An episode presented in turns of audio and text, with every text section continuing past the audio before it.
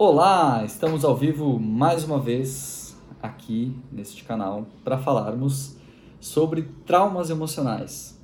Eu me dei conta que são. Eu tinha separado 13 tipos de traumas para falar na live passada e eu falei de 6 e o objetivo era ter falado dos 13. Então hoje eu vou falar do sétimo, oitavo, nono, décimo, décimo primeiro, décimo segundo e décimo terceiro, se der tempo, né? É, então eu não vou explicar de novo desde o princípio o que são traumas, de onde eles vêm e tal. Eu vou partir direto para explicar cada tipo de trauma. Vou só dar uma introdução básica, mas a primeira live na qual eu falo sobre traumas está salva aqui no meu feed e está salva também é, lá no meu YouTube.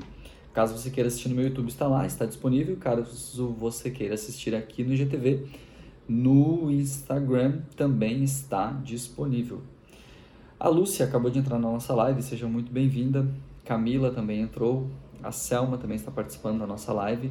Sejam muito bem-vindas a essa nossa live de hoje, na qual nós falaremos sobre os traumas, se tudo der certo, se der tempo, sobre os traumas de dependência, sobre os traumas de subjugação, sobre os traumas de autossacrifício, traumas de inibição emocional crítica exagerada, merecimento e autodisciplina insuficiente, autocontrole. Vou pedir para vocês que estão assistindo a nossa live é, que compartilhem com mais pessoas para que a nossa live alcance mais pessoas, mais perfis e que a gente possa distribuir cada vez mais esse nosso conteúdo.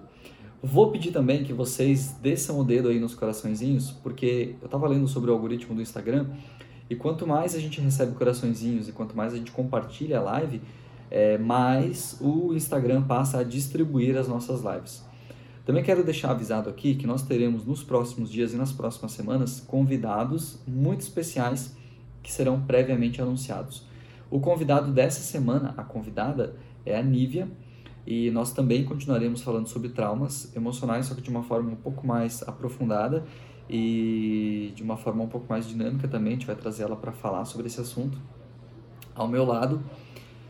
Então é isso. É, avisos dados, avisos paroquiais dados. Vou pedir mais uma vez, compartilhem essa live com mais pessoas para que ela chegue em mais corações e dê mais coraçõezinhos aí também nessa nossa live. Na live passada, que eu fiz na quinta-feira passada, eu expliquei o que são traumas emocionais.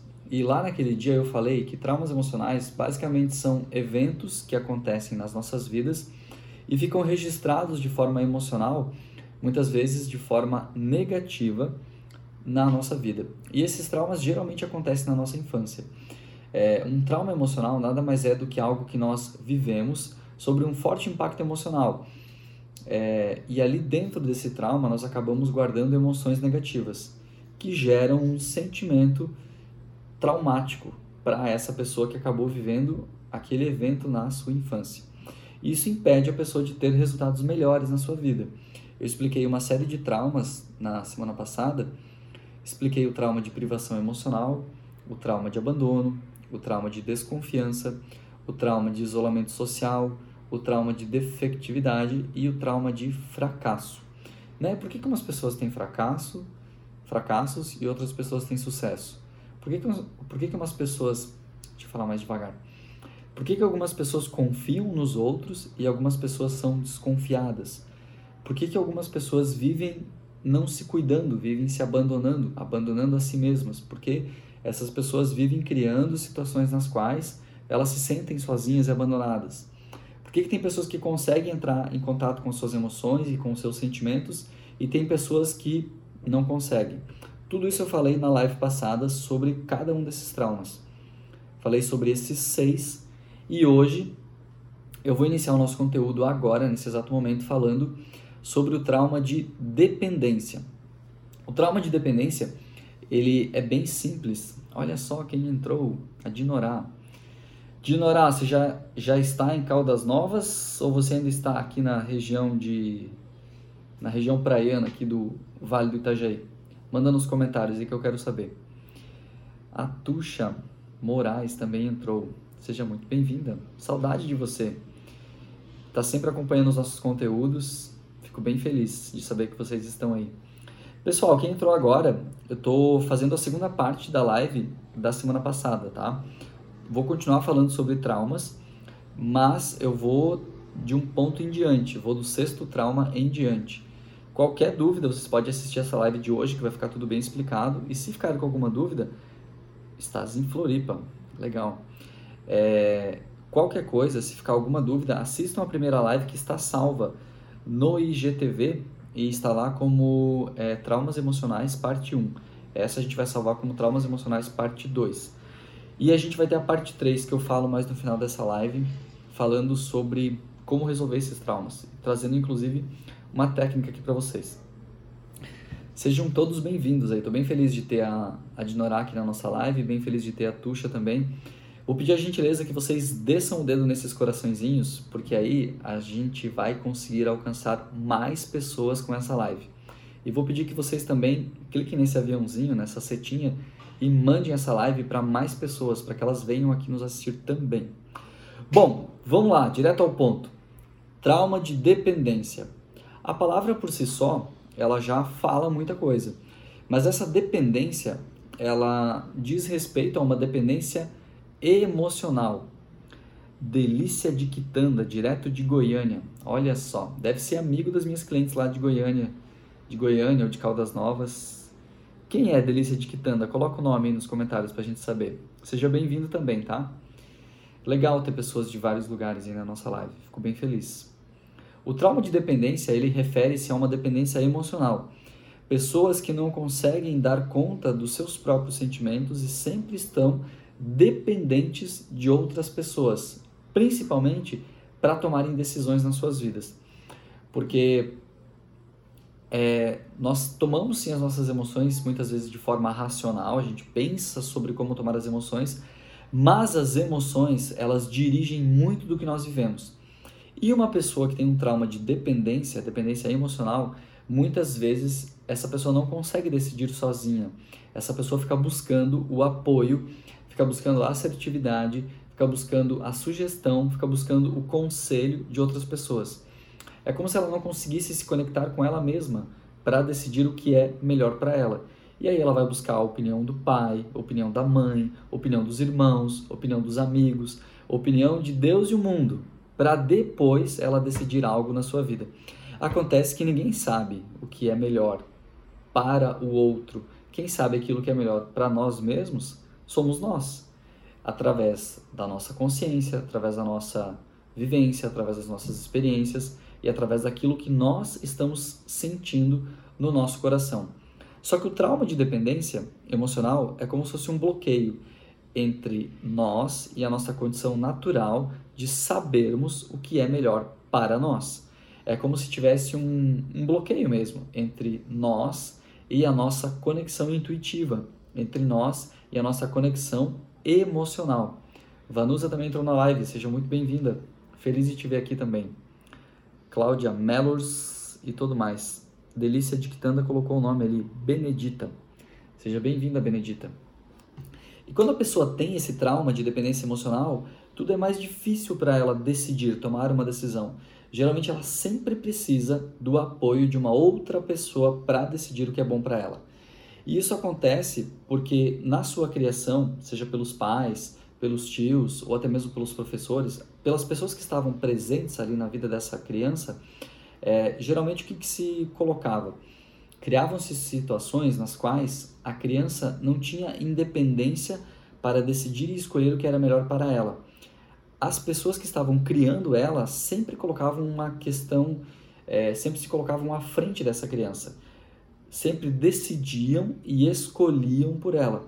Então, inconscientemente, o que, que essa criança aprende? Sempre tem alguém decidindo por mim. Sempre tem alguém é, fazendo as escolhas por mim. E torna mais desafiador essa situação quando ela vem para a vida adulta e ela precisa decidir, ela precisa tomar uma decisão. Porque ela aprendeu de forma inconsciente, através dos exemplos que ela recebeu, que tem alguém decidindo por mim, tem alguém tomando uma decisão.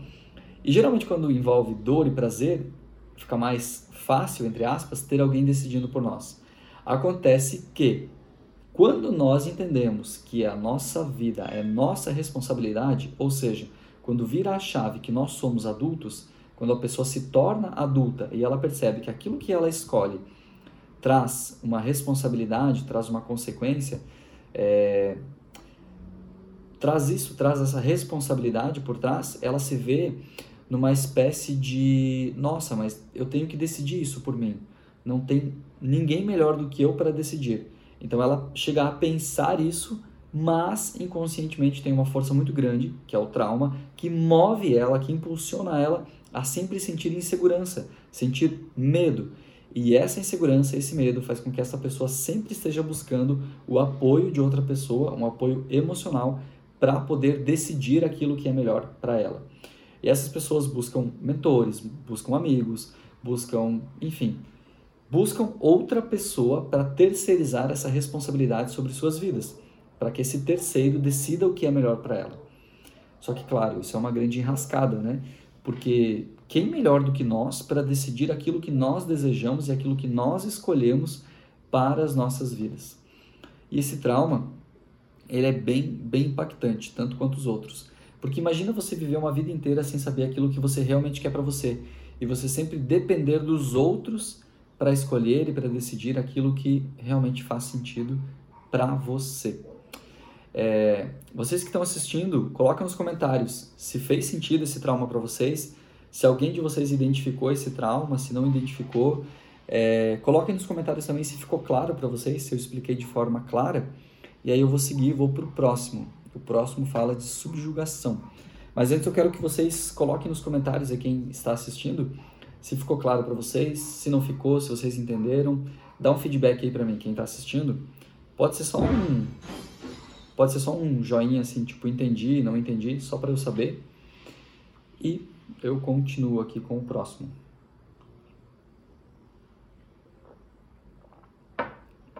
Bom, vamos lá. O próximo trauma é o de subjugação.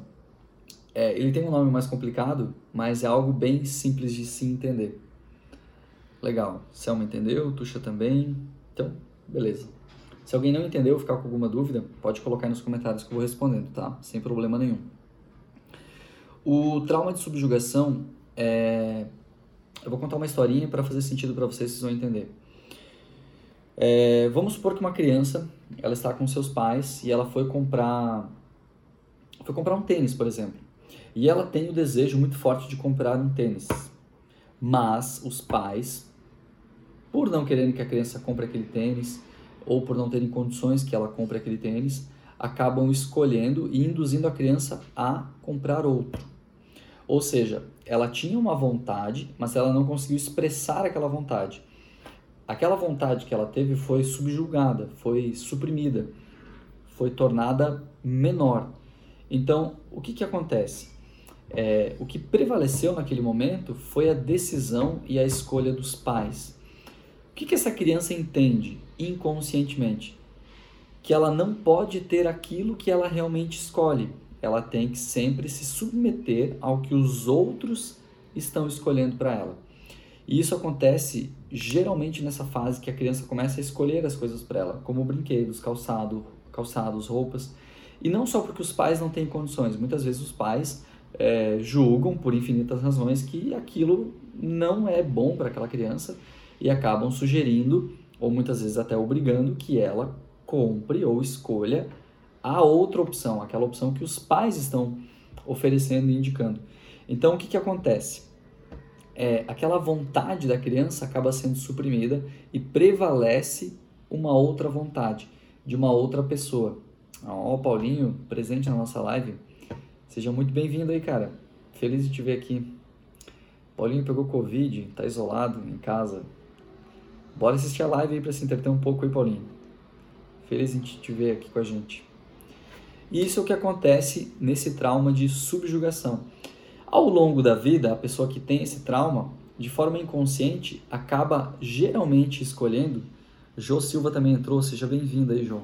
A Jô, a Miriam Xavier, a Vilma, tem mais pessoas entrando aí. Sejam todos bem-vindos aí, fico bem feliz com a presença de vocês. Inconscientemente, essa pessoa vai sempre percebendo que é, é como se ela não pudesse ter aquilo que ela realmente escolhe. E inconscientemente ela escolhe sempre algo abaixo de um padrão de qualidade ou de uma expectativa que ela tem. Por exemplo, assim, ó, ela quer comprar, é, sei lá, vou dar um exemplo aqui, ela quer comprar aquele celular, agora, já na fase adulta. Mas inconscientemente algo leva ela a escolher algo abaixo, um padrão abaixo daquilo que ela realmente mereceria. Por quê? Porque tem um trauma de subjugação. Ela entendeu, ela aprendeu de uma forma emocional que nem sempre ela poderia estar tendo aquilo que mais faria sentido para ela. Porque lá na infância dela tinha alguém falando para ela que ela precisava escolher algo abaixo daquilo que ela queria. Muitas vezes não é nem abaixo, mas o simples fato de não ser aquilo que ela queria, de ser uma outra opção, leva ela a aprender de forma emocional e inconsciente que ela não pode ter aquilo exatamente que ela deseja. Ela sempre, ela não pode escolher aquilo que ela realmente quer. E isso é muito ruim, porque isso não se dá apenas com as coisas, mas se dá também com todas as outras decisões que essa pessoa acaba tomando na nossa vida. É, por que, que isso acontece? O nosso cérebro ele funciona com conexões. Nós vamos criando mapas mentais no nosso cérebro, mapas de caminhos, de estratégias para a gente alcançar os resultados. E esses mapas são inconscientes. Uma vez que o nosso cérebro ele aprende, ele passa a usar aquele mesmo caminho para economizar energia, para ele não ter que ficar aprendendo coisas novas o tempo todo. É, só que isso, para coisas boas, é excelente. Para coisas que são negativas ou limitantes, não é tão bom assim, porque acaba limitando o resultado daquela pessoa. Essa criança, então, por exemplo, que teve os seus desejos suprimidos, subjulgados, não compreendidos, não entendidos, ela vai entender de forma inconsciente, de forma emocional, para ao longo da sua vida, inclusive na sua vida adulta, que às vezes aquilo que ela está escolhendo para ela, a opinião dela, não é tão importante. É como se ela fosse, entre aspas, menos do que os outros. É como se aquilo que ela fosse escolher para ela, entre aspas, fosse menos importante. E por aí vai.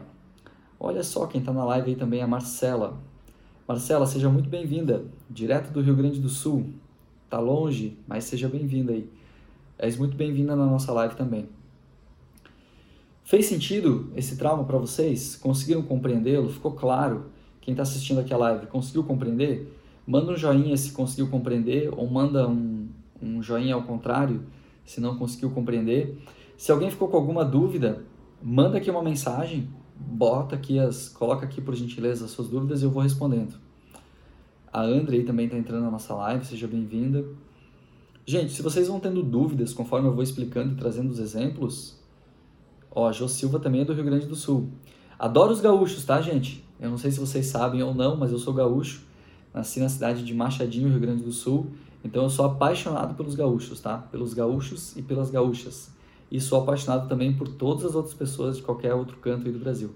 Mas claro, né, eu tenho um carinho bem especial aí pelos gaúchos.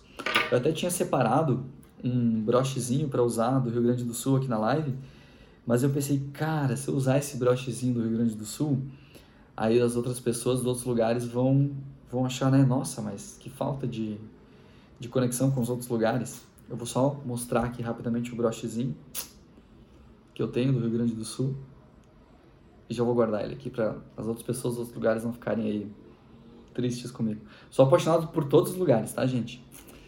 Se ficou alguma dúvida, é, coloquem nos comentários que eu vou respondendo vocês.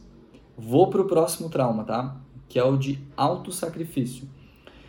O de autossacrifício é o seguinte: eu entendo que a minha vontade é menos importante que a vontade do outro, que eu sou menos importante que o outro.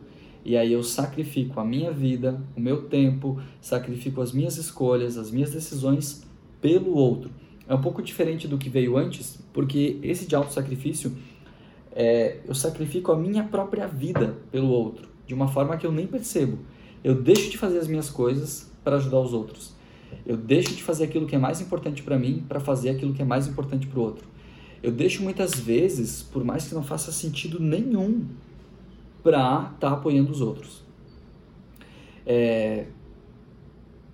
Enfim, tem um exemplo bem power. Não vou trazer esse exemplo, vamos trazer outros, mas é, o trauma de autossacrifício a pessoa entende que isso é tudo inconsciente, tá? Não é a pessoa escolhendo, ah, eu vou me sacrificar pela vida do outro. Não, a pessoa faz e nem percebe. É totalmente automático isso.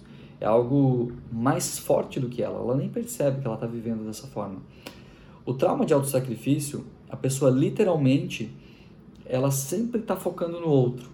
Ela sempre está se sentindo culpada por tudo que está acontecendo numa situação. É como se tudo que desse de errado, ela puxasse a culpa para ela. Ou seja, ela se sente culpada por tudo que está acontecendo. E. Ah, legal. É isso aí, Jô. Muito bom. Ó, a Jo colocou o seguinte: agora eu estou tomando decisões e estou cuidando de mim também. Muito bom isso, muito bom. Inclusive, em uma das minhas lives eu coloquei algo que é, foi na live que eu falei de. Não vou lembrar agora, mas acho que foi das emoções negativas. Que primeiro a gente precisa cuidar da gente, isso não é egoísmo, para que a gente possa realmente cuidar do outro. E o trauma de auto-sacrifício, ou seja, a pessoa que tem esse trauma, é muito desafiante isso para ela, é muito desafiador. Porque ela nunca consegue. É... Ó, Dinorá falando, esse aí é o meu trauma. Ô, Dinorá, bora resolver esse trauma aí, Dinorá. Vou te ajudar com isso, tá? A Jo colocando aí, ó, você cuida de todo mundo, menos de você. Deve ter muita gente se identificando com esse trauma aqui, porque ele é muito comum, tá? Ele é muito comum mesmo. E, inclusive, nessa live eu tava falando que primeiro eu preciso cuidar de mim para depois cuidar do outro. Para quem tem esse trauma de autossacrifício, isso é muito desafiador. Por quê? Porque de uma forma emocional, de uma forma, é, de uma forma inconsciente, essa pessoa não, não consegue. Ela literalmente não consegue cuidar de si mesma antes. Ela sempre tem que cuidar dos outros para depois cuidar dela. Olha só o nosso corredor aí, ó, o Edson. Edson, seja muito bem-vindo na nossa live. Estou bem feliz que você está aqui. O Edson é um amigo pessoal de corrida aí e nós temos uma história bem legal para contar. Quem sabe eu trago o Edson um dia aí, se ele topar juntos, pra gente contar essa história de como que a gente terminou uma corrida um dia. Com câimbras e se ajudando. Você topa, Edson, um dia entrar numa live comigo pra gente contar essa história da Odisseia de 2018? 19? De 2019? Cara, é uma história muito bacana, assim, de superação e de apoio. O Edson poderia ter ganho a prova é, de mim, e, cara, ele foi um cara muito humilde, porque ele, ele terminou a prova ao meu lado para me apoiar, para fazer com que eu conseguisse terminar a prova. E, cara, foi fantástico. A gente chegou juntos depois na prova. E ele me apoiou desde o quilômetro 16 em diante. Era uma prova de 30 quilômetros. O Edson é um cara de um coração gigantesco, tá? Um dia a gente entra aqui, Edson, para contar essa história aqui pro pessoal. Vou ficar bem feliz se você topar entrar comigo. Sibeli tá aí na nossa live também, uma grande amiga. Seja muito bem-vinda. Que legal, a live de hoje está trazendo pessoas bem especiais aí para essa noite de hoje. Trauma de autossacrifício é isso, tá? É eu sempre me sacrificando pelos outros. E da onde que vem isso?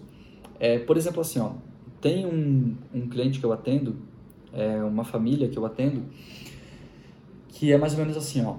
É, os pais saíam para trabalhar e a irmã mais velha tinha que ficar cuidando tinha que ficar cuidando da, do irmão mais novo. Só que muitas vezes ela tinha tarefas para fazer, ela tinha trabalhos de aula para fazer, ela tinha que fazer comida e tal. Só que o irmão dela era pequeno, era bebê. Então muitas vezes ela tinha que parar o que ela estava fazendo, ainda que ela era criança, de 7, 8 anos, para cuidar do irmão. Ou seja, ela deixava suas coisas, seus projetos, seus estudos, a sua vida, entre aspas, de lado para dar atenção para o irmão. E isso não foi uma vez, foram várias vezes. E também teve outros momentos em que os pais é, fizeram ela deixar de escolher coisas que eram importantes para ela para dar para o irmão mais novo. Como, por exemplo, assim, ah, ao invés de ela poder comprar um brinquedo, ela tinha que comprar um brinquedo é, de um valor mais baixo para aqueles pais terem o um valor suficiente para comprar os dois brinquedos. Ou seja, ela teve que se sacrificar pelo irmão. Então, o que, que acontece? De forma inconsciente, ela acaba entendendo que, pelo bem do outro, ela precisa se sacrificar. Quem tem essa crença não consegue enxergar que o outro pode estar bem quando essa pessoa também está bem, ou seja, todos podem ficar bem. Na cabeça da pessoa que tem esse trauma de autossacrifício, ela entende que para o outro estar bem, eu preciso me sacrificar. E aí ela se sente culpada por tudo que dá errado na vida dos outros. Meu, isso é uma coisa muito doida, assim, porque, na verdade, é, tudo que acontece na vida de cada pessoa é responsabilidade dela e não de uma terceira pessoa, seja irmão, seja pai, seja filho, seja, enfim, tudo que acontece na vida de cada pessoa é responsabilidade daquela pessoa ali. Jonathan, Marcela, Romildo, Érica e Maiara, pessoas bem especiais aí que acabaram de entrar na nossa live aí também. Bem feliz aí com a presença de vocês. Maiara, tô com saudade de você. Jonathan, da mesma forma, tô com saudade de você também. Faz muito tempo que a gente não toma um café, não conversa. Tô com saudade de vocês. Tô bem feliz em ter vocês aqui na nossa live de hoje. Pessoal, trauma de autossacrifício é isso. São pessoas que se sentem culpadas por coisas que dão errado na vida dos outros são pessoas que se sacrificam para que os outros estejam bem e nunca conseguem focar em si mesmas. Sempre focam nos outros primeiro. Quebra essa crença, porque é fácil falar assim, né? Quebra essa crença, mas o outro pode estar bem, mesmo que você também esteja bem. É, o outro pode estar bem e você pode estar bem também. Todos podem estar bem. Ou seja, eu não preciso me sacrificar para que o outro esteja bem. Percebem? Todos podem estar bem sem que haja um sacrifício um pelo outro. Inclusive, eu vou falar em uma próxima live sobre é, os tipos de funcionamento. Que existe uma forma da gente operar onde todos colaboram com todos e ninguém precisa se sacrificar um pelo outro para que as coisas aconteçam é, melhor para um, melhor para outro. Existe uma forma otimizada que a gente chama de funcionamento otimizado para que todas as pessoas funcionem de uma maneira mais harmônica mas isso é tema para uma próxima live. Fez sentido esse trauma de autossacrifício? Quem tem esse trauma, deixa um comentário aí para a gente saber que tem. Ó, às vezes ajudamos tantos outros e não nos agradecem. Fazer o bem sempre, mas as pessoas não reconhecem, né? É, Jô, é legal você dar uma olhada, você deixou esse comentário aí, né? É, para para pensar assim, será que você faz o que faz para ajudar os outros? Ou será que você faz o que faz para ter o reconhecimento dos outros. Claro, a gente quer ter o reconhecimento, né? Eu estou fazendo aqui essa live, pô, é legal. Vocês estão é, interagindo, estão comentando, estão né, tão curtindo, estão mandando um coraçãozinho, tá bem legal. A nossa live, inclusive, está com mais pessoas hoje, estou ficando feliz, esses números estão crescendo, assim, sabe? Isso é muito gostoso de ver. Estou já há uns dias fazendo lives e cada uma pessoa a mais que entra eu fico bem feliz. Bem feliz mesmo. Mas é importante a gente sempre pensar: será que eu estou fazendo isso para ter o reconhecimento do outro? Ou será que eu estou fazendo isso apenas com uma intenção positiva para ajudar o outro?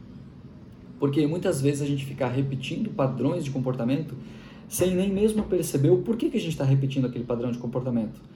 Muitas vezes a gente só está fazendo aquilo só para realmente provar que aquela crença, ou seja, aquilo que eu aprendi de forma traumática na minha vida, está correto a gente fica provando a nossa própria crença negativa, é, do tipo assim, ó, é, meu, isso tinha tudo para dar errado, tudo dá errado comigo mesmo. Aí, claro, pessoas que falam isso, obviamente, tudo dá errado para elas. Enquanto que as outras que estão falando assim, tudo dá certo para mim, eu sempre tenho bons resultados, para essas pessoas as coisas fluem de uma forma mais tranquila. A Jo colocou aí, ó, ajudar com certeza, vivo para ajudar muito, amo, me faz muito feliz. Show de bola, é isso aí. Imagina eu fazendo aqui uma live para ninguém, né? Que sentido teria fazer essa live se não fosse para fazer para outras pessoas? É isso aí mesmo, Jô, tá certo?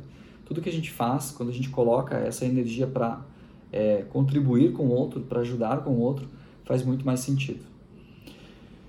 Compreenderam? Ficou claro esse trauma de autossacrifício? Posso passar para o próximo? O próximo é muito power, é muito legal. E é um trauma que é bem comum, mais comum do que vocês podem imaginar.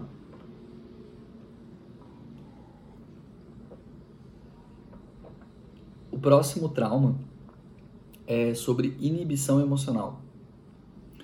Basicamente, esse trauma de inibição emocional ele vem de situações é, nas quais os pais, os professores, ou as pessoas que fazem parte da convivência de infância da pessoa inibem ela de expressar os seus sentimentos e inibem ela de expressar as suas emoções.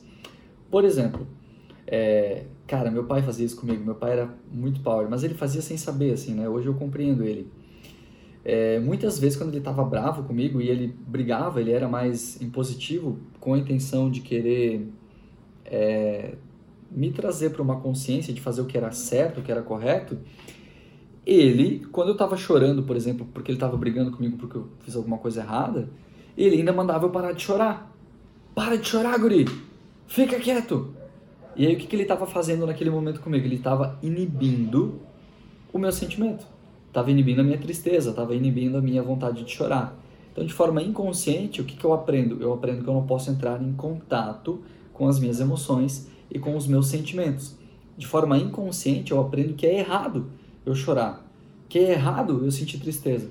Só que isso não é errado, na verdade é uma condição natural de todos nós, seres humanos. Caraca, o Luciano entrou na nossa live. Mais um gaúcho. Ô Luciano, eu tô com saudade de você. Um dia a gente tem que entrar aqui para explicar as técnicas das almofadas aqui numa live. Você topa um dia para explicar essa, essa técnica? É, brincadeiras à parte, mas é porque eu fiquei bem feliz que ele entrou na. Ó, ele concordou. Eu fiquei bem feliz que ele entrou na live. Tô com saudade de ti, cara. Meus amigos do Rio Grande do Sul entrando aí na live, fico bem feliz. Também tá com saudade? Pô, cara, temos que marcar um final de ano juntos aí de novo. A Tati também entrou na nossa live. Pô, Tati, seja bem-vinda. Tô com saudade de você também. Muito bom ter a sua presença. A Tati também é lá de Caldas Novas, também tá passando mais calor ainda do que nós. Tati, vem com a gente aí nessa live aí que ela tá muito interessante, tá? Inibição emocional é isso. É quando a criança ela tem as suas emoções inibidas lá na infância. Eu dei esse exemplo de tristeza, mas pode ser de outras emoções também. Por exemplo, a criança está lá fora brincando e criança fala alto, grita. E aí os pais E aí os pais muitas vezes querem que a criança faça silêncio. Não querem que a criança fale alto. Muitas vezes quando eu estava fazendo barulho, por exemplo, é, em momentos de jogos de futebol, meu pai mandava eu ficar quieto. E aí o que, que acontece? Eu estava lá expressando a minha raiva, a minha alegria. Eu estava lá me comunicando e meu pai gritava: Ah, fica quieto, Pia! Tô vendo o jogo, não faz barulho! Aí a criança entende que, opa, eu estou atrapalhando, eu não posso entrar em contato com essas minhas emoções, eu tenho que ficar mais na minha aqui. Só que tudo isso é de forma inconsciente, percebe? Aí a criança vai se inibindo emocionalmente falando. E por muito tempo eu tinha muita dificuldade. Pausado, voltou. Tivemos uma pausa na nossa live, mas voltou. A conexão falhou. É, por muito tempo eu tinha muita dificuldade de entrar em contato com as minhas emoções. Para quem me conheceu até o ano de 2014, sabe do que eu estou falando. Até o ano de 2014, eu era uma pessoa que não abraçava, que não entrava em contato com as minhas emoções. Olha, fazia muitos e muitos anos que eu não chorava, fazia muitos e muitos anos que eu não falava algo como eu te amo, ou eu sinto isso, ou sinto aquilo. Eu era extremamente irracional. E isso vem desse trauma aí, de inibição emocional. Porque é como se eu me desconectasse dos meus sentimentos. É como se eu me desconectasse das minhas emoções. É como se eu não tivesse prazer em sentir as minhas emoções, nem as positivas e nem as negativas. É como se eu esfriasse a minha temperatura emocional. É como se eu me desconectasse das minhas emoções. Quando eu saquei esse trauma e eu resolvi isso através de processos com reprogramação mental, aí eu passei a entender, a compreender, fazer novas conexões que sim, eu posso sentir as minhas, as minhas emoções. Eu posso chorar quando eu estiver triste, eu posso dar risada, é, eu posso dar risada quando eu estiver alegre, eu posso gritar quando eu tiver vontade de gritar e eu grito o tempo todo, às vezes até em situações bem inusitadas, dou uns berros bem malucos, é, eu posso dar gargalhada, eu posso de fato viver intensamente as minhas emoções. Mesmo sendo uma pessoa mais mental, que eu sou hoje bem mais mental, eu posso e eu me permito viver as minhas emoções. Por quê? Porque eu desbloqueei esse trauma de inibição emocional. É, nos treinamentos, inclusive, a gente brinca que as crianças do Rio de Janeiro são crianças que não têm esse trauma. É uma brincadeira, as crianças do Rio de Janeiro podem vir a ter esse trauma também. Mas por quê? Porque elas são criadas de uma forma extremamente livres. Não tem nada lá impedindo elas de gritar, de fazer barulho, de entrar em contato com as emoções delas.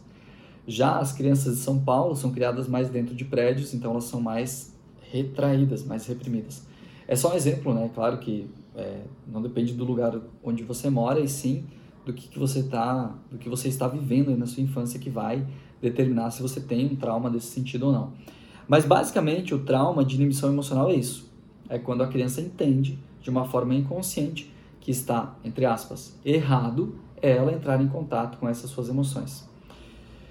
Antes de eu passar para o próximo trauma, que é o de crítica exagerada, eu quero pedir para vocês que vocês compartilhem essa live com várias pessoas, para a gente aumentar o número de pessoas que estão assistindo essa live.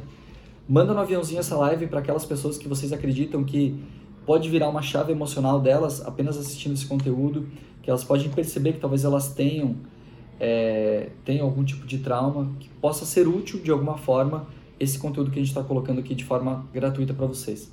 Vou pedir também que vocês desçam o dedo aí no coraçãozinho para que o algoritmo do Instagram distribua essa nossa live para mais pessoas. Rolou alguns comentários aqui, deixa eu dar uma lidinha aqui rápida. Tati mandou um beijo. Oh, meu Deus. Um beijo para você também, Tati. É, a Jo Silva falou que fala sempre, sempre pro filho que ela ama. Deixa eu ver o que mais. Foi ao contrário, me bloqueei agora. É, a gente está falando dos traumas que são gerados lá na infância, mas é, nada impede. Um evento traumático que acontece na infância, ele tem um impacto muito maior na nossa saúde emocional, na nossa inteligência emocional.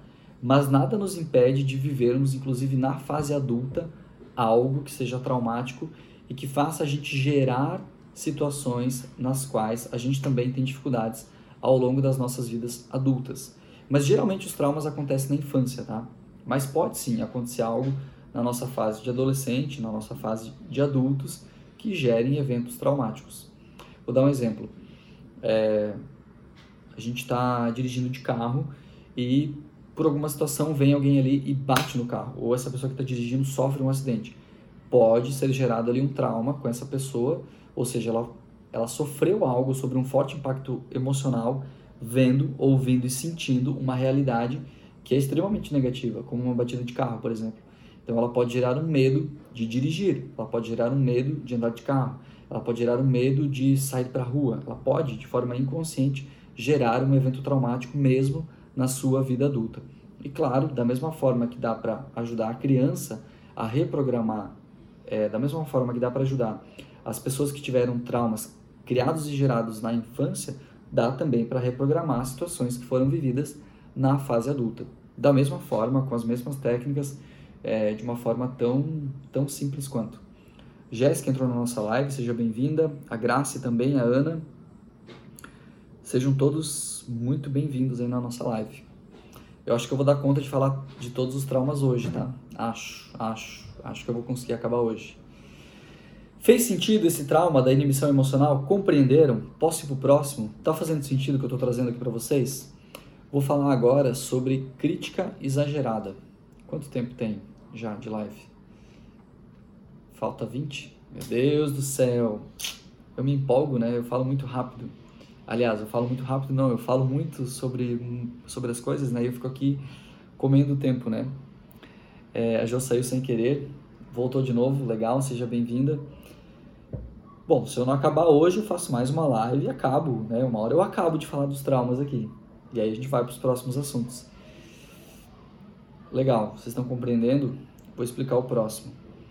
O trauma de crítica exagerada são pessoas que nunca estão satisfeitas, nem com elas mesmas e nem com os outros. São pessoas que sempre querem mais. São pessoas que sempre estão insatisfeitas. Pessoas que é, sempre vão achar mais defeitos. São pessoas extremamente críticas, detalhistas, analistas, é, até chatas às vezes, tá? Porque são pessoas que sempre vão botar defeito, sempre vão achar que tá faltando algo. A pessoa tá rindo aqui comigo, né? Mas é porque eu tenho muito disso, sou muito crítico, tá? Muito detalhista, eu, eu fico caçando coisas assim. E, né, quem sabe eu não sofri um trauma de crítica exagerada. Meu pai era muito crítico comigo, ele sempre queria algo muito bem feito. E sei até onde foi gerado esse trauma. Quando eu batia as portas das gavetas ou as portas do carro, meu pai fazia eu voltar. Imagina que eu fui lá e bati a porta do carro. Lembro até hoje, meu pai teve uma Scenic e um dia eu bati forte a porta do carro e eu era mais velho já. E meu pai veio para mim e ele só falou o seguinte: abre e fecha a porta sete vezes devagar. Ele falou bem assim para mim, eu lembro até hoje. Aí eu lá, né?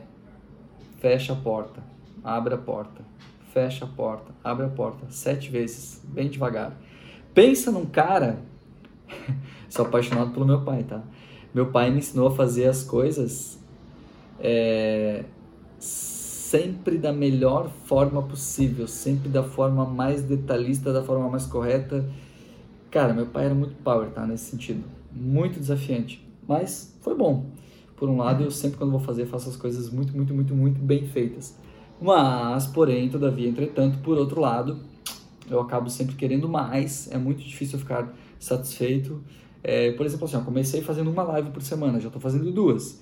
Daqui a pouco eu já me empolgo e estou fazendo três, entendeu? Eu quero sempre mais. Estou sempre é, insatisfeito, sempre buscando mais, melhor.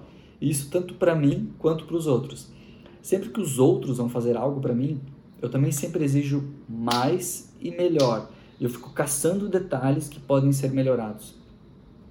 São pessoas extremamente críticas. E a gente é assim porque a gente aprendeu a ser assim. Não é porque nós nascemos assim. É porque em algum momento da vida foi gerado um evento que a pessoa recebeu uma crítica de forma exagerada. E aí ela acaba, e ela acaba propagando isso ao longo da vida dela. Eu até já tenho mais consciência disso, então, como eu sei que eu sou extremamente crítico, muitas vezes eu procuro me observar e ser menos crítico naquilo que eu faço e com os outros. Vou dar um exemplo para vocês. Eu esqueci a live, a, a lâmpada que eu sempre coloco aqui para fazer a live. Meu, eu fiquei maluco com isso, tá? Porque eu esqueci a lâmpada em casa. Estou num outro local aqui, numa outra casa para fazer essa live. É, num outro apartamento, né? Eu moro no apartamento. E, meu, o fato de eu não ter trazido a lâmpada vocês não têm ideia de como eu sofro por dentro por não ter trazido a lâmpada. É louco isso, tá? Eu sou extremamente crítico com os detalhes. Mas aí eu respirei, não, o que importa é o conteúdo, é a live e tal, vamos sem a lâmpada e tal, e bora, e tô aqui fazendo a live. O Caleb entrou na nossa live. Caleb, a gente tem que marcar de fazer uma live juntos. Você topa para falar de algum assunto aí sobre coaching? Caleb também já participou de alguns treinamentos aí com a gente cara muito especial, tem uma história fantástica de muita superação. Cara, muito, muito, muito legal. Um dia eu quero trazer o Caleb para fazer uma live com a gente. Você topa, Caleb, fazer uma live com a gente? Daniel Alexandre Voit, o nosso corredor aí de provas de montanha e ultramaratonas. Cara, um dia eu ainda te pego, tá, Dani Voit? Dani Voit, para quem não sabe, é o cara que corre bem nas provas, é o cara que corre muito rápido. Dani, muito bom te ver aqui na nossa live, cara. Seja muito bem-vindo. Quem sabe a gente marca uma live aí também juntos para falar de corrida. O Dani tem uma cabeça muito boa, o Dani Voit, uma cabeça muito, muito, muito, muito boa para para desafios, para provas. Quem sabe a gente faz uma live aí com ele para ele contar a história dele também. Você toparia, Dani, fazer uma live para a gente falar desse assunto? Ficaria bem feliz. Bem, bem, bem feliz. O Caleb topou também fazer a live. Vou te chamar, tá, Caleb, para a gente fazer a nossa live. Galera que está entrando aí, sejam todos muito bem-vindos, tá? É, falando sobre traumas emocionais. Essa é a live 2. Tem uma live salva no meu perfil do GTV. Pode correr lá, tá salvo. Assiste lá. Essa é a segunda live, então já estou bem avançado aqui no assunto. Estou falando sobre os tipos de traumas. Se vocês tiverem qualquer dúvida, é só voltar lá, assistir a primeira live, que essa aqui vai ficar bem clara. Mas pode ficar aqui também, que é o assunto que eu estou trazendo. Estou trazendo de forma simples e dá para entender. Ó, o Dani topou fazer a live aí com a gente. Vamos marcar então também uma live com ele. O Dani é um cara que tem uma história bem bacana. Fez sentido o trauma de crítica exagerada? Quem se sente assim? Quem sente que é extremamente crítico consigo mesmo? Quem sente que é muito crítico com os outros também, talvez? Fez sentido esse trauma de crítica exagerada? Quem sentiu que tem esse trauma, deixe aí nos comentários para a gente saber. Faltam dois traumas. Quanto tempo tem? Tem 15, dá tempo. Vou falar dos dois para finalizar e a próxima live a gente traz um próximo conteúdo. É, o próximo trauma é de merecimento. Aqui pode acontecer duas coisas. Ou a pessoa pensa que ela merece tudo, ou ela pensa que ela não merece nada. O Jonathan é extremamente crítico. Tá colocando aí. É, não é à toa que os trabalhos do Jonathan são tão bem feitos. Ele trabalha com fotografia e ele é impecável nos trabalhos dele que ele provavelmente internamente fica o tempo todo se cobrando para fazer é, sempre mais e melhor, né?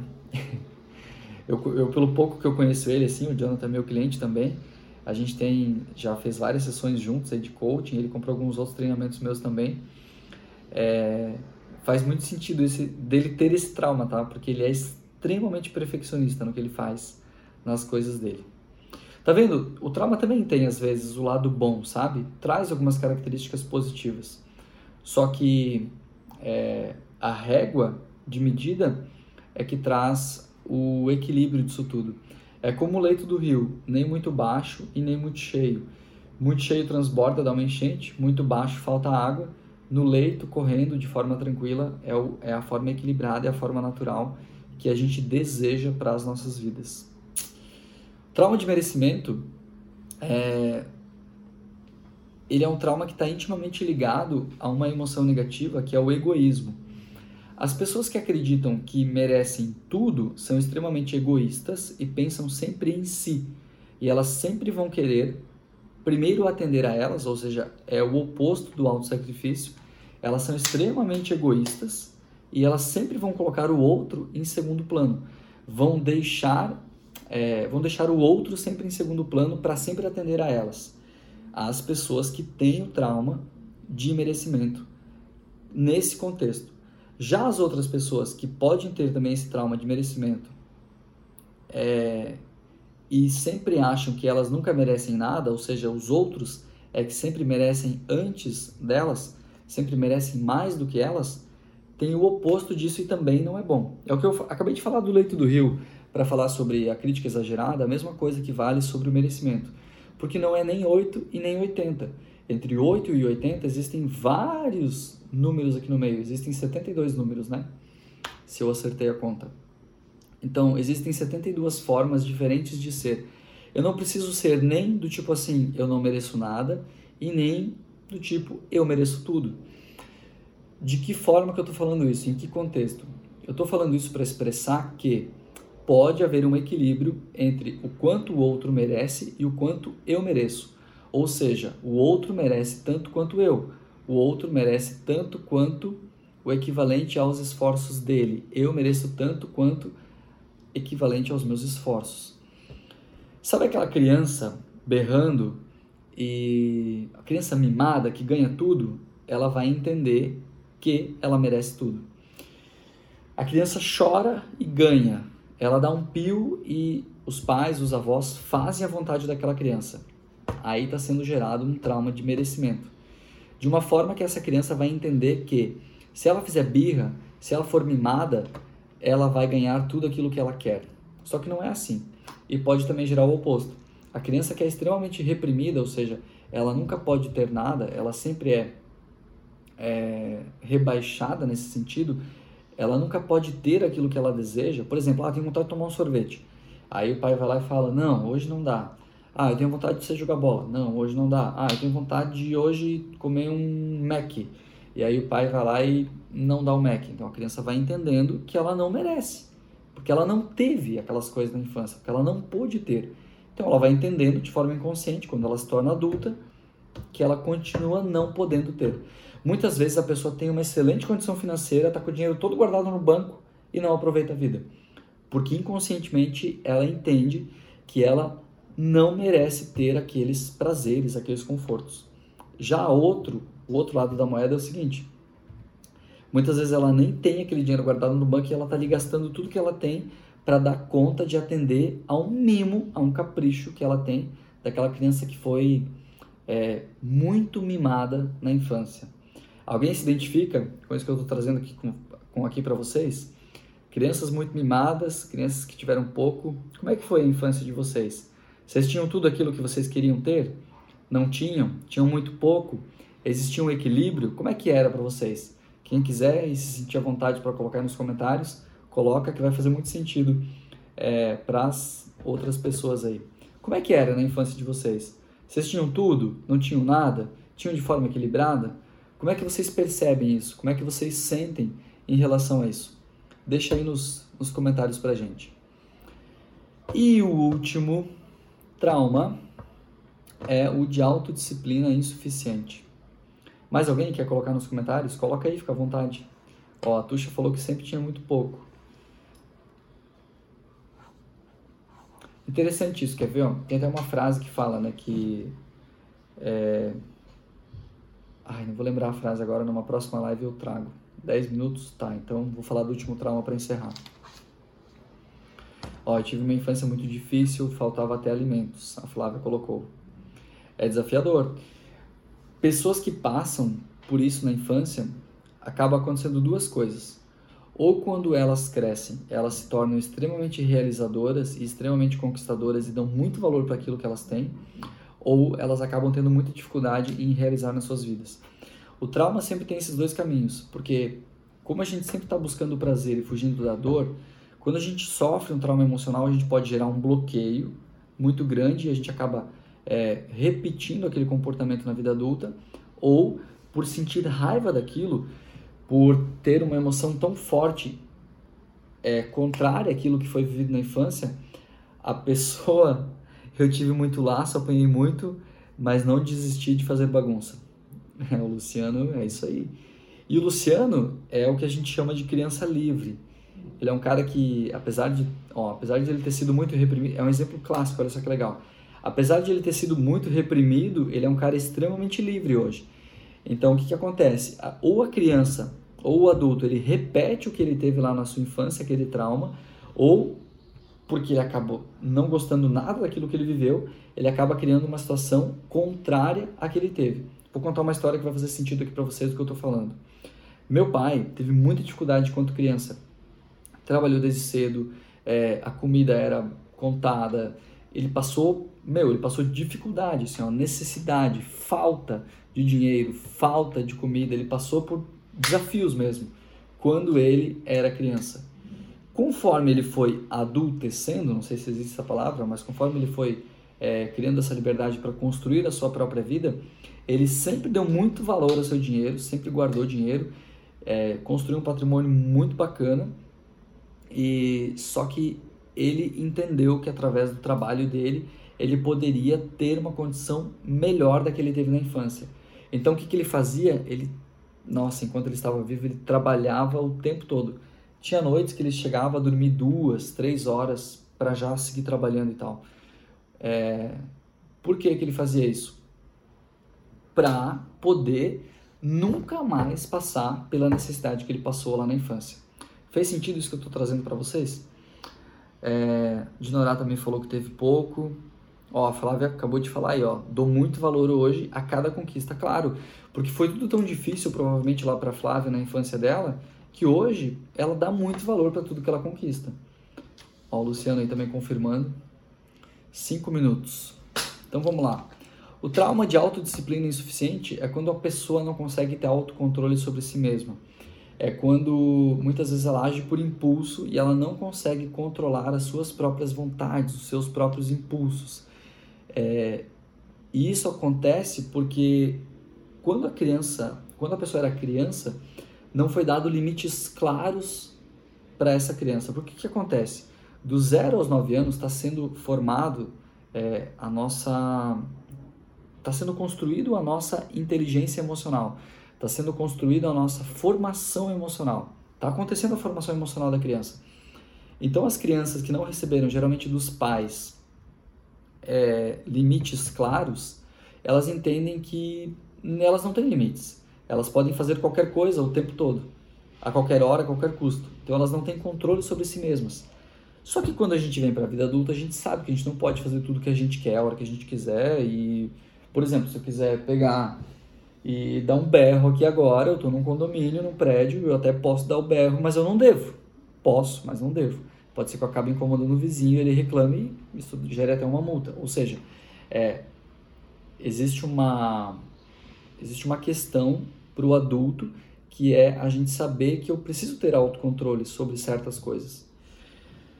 Ai, não gosto de falar com pressa, tá? Mas eu vou, vou falar mais um pouquinho aqui sobre esse trauma. Eu acho que tá acabando o tempo, inclusive, da nossa live aqui. Não sei se daqui a pouco o Instagram me corta aqui ou não. Espero que não.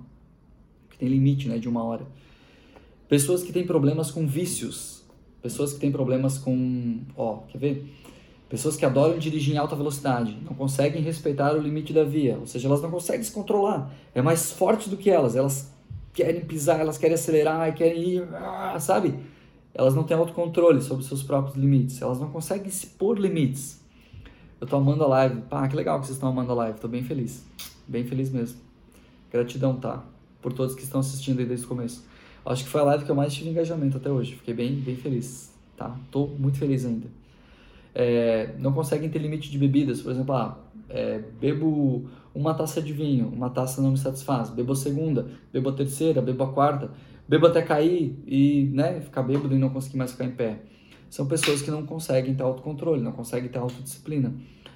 Esse trauma também é, faz com que pessoas não consigam ser fiéis, não consigam respeitar os seus relacionamentos. Por quê?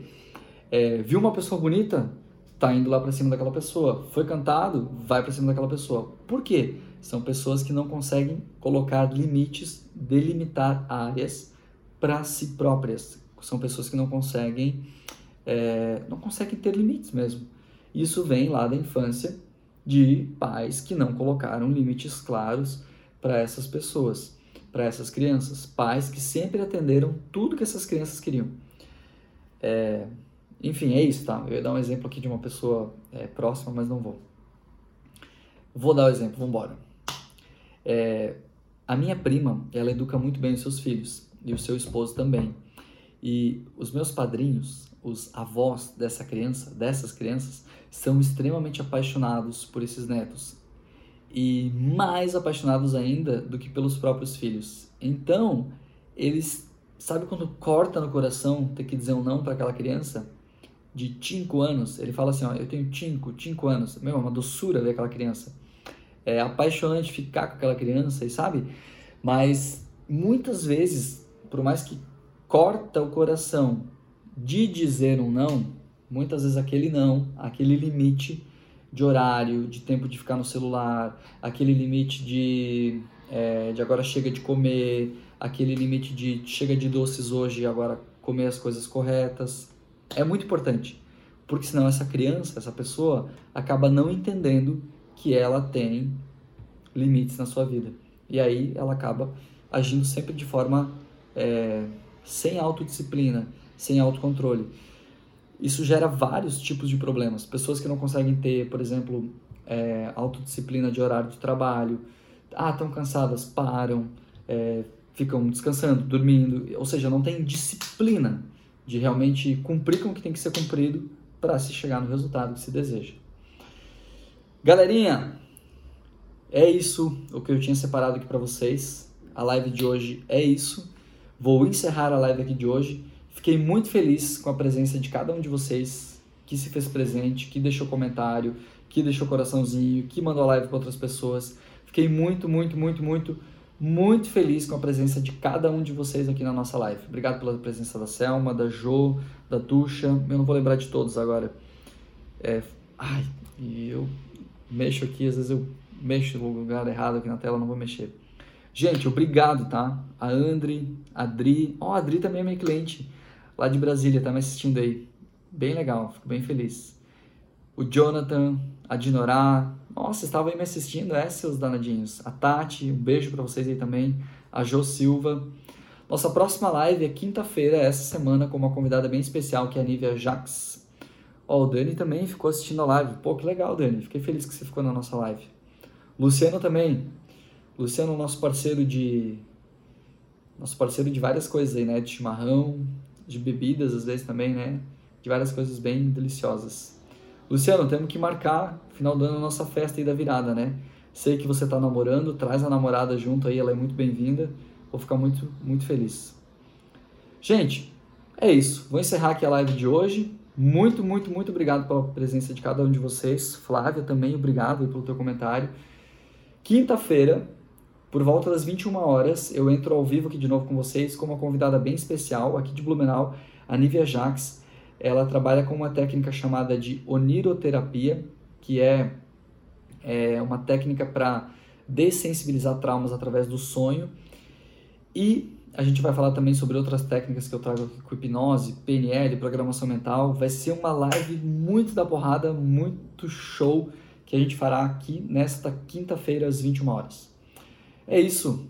Um grande beijo no coração de vocês. Estamos encerrando a live de hoje e até quinta-feira. Até mais. Tchau, tchau.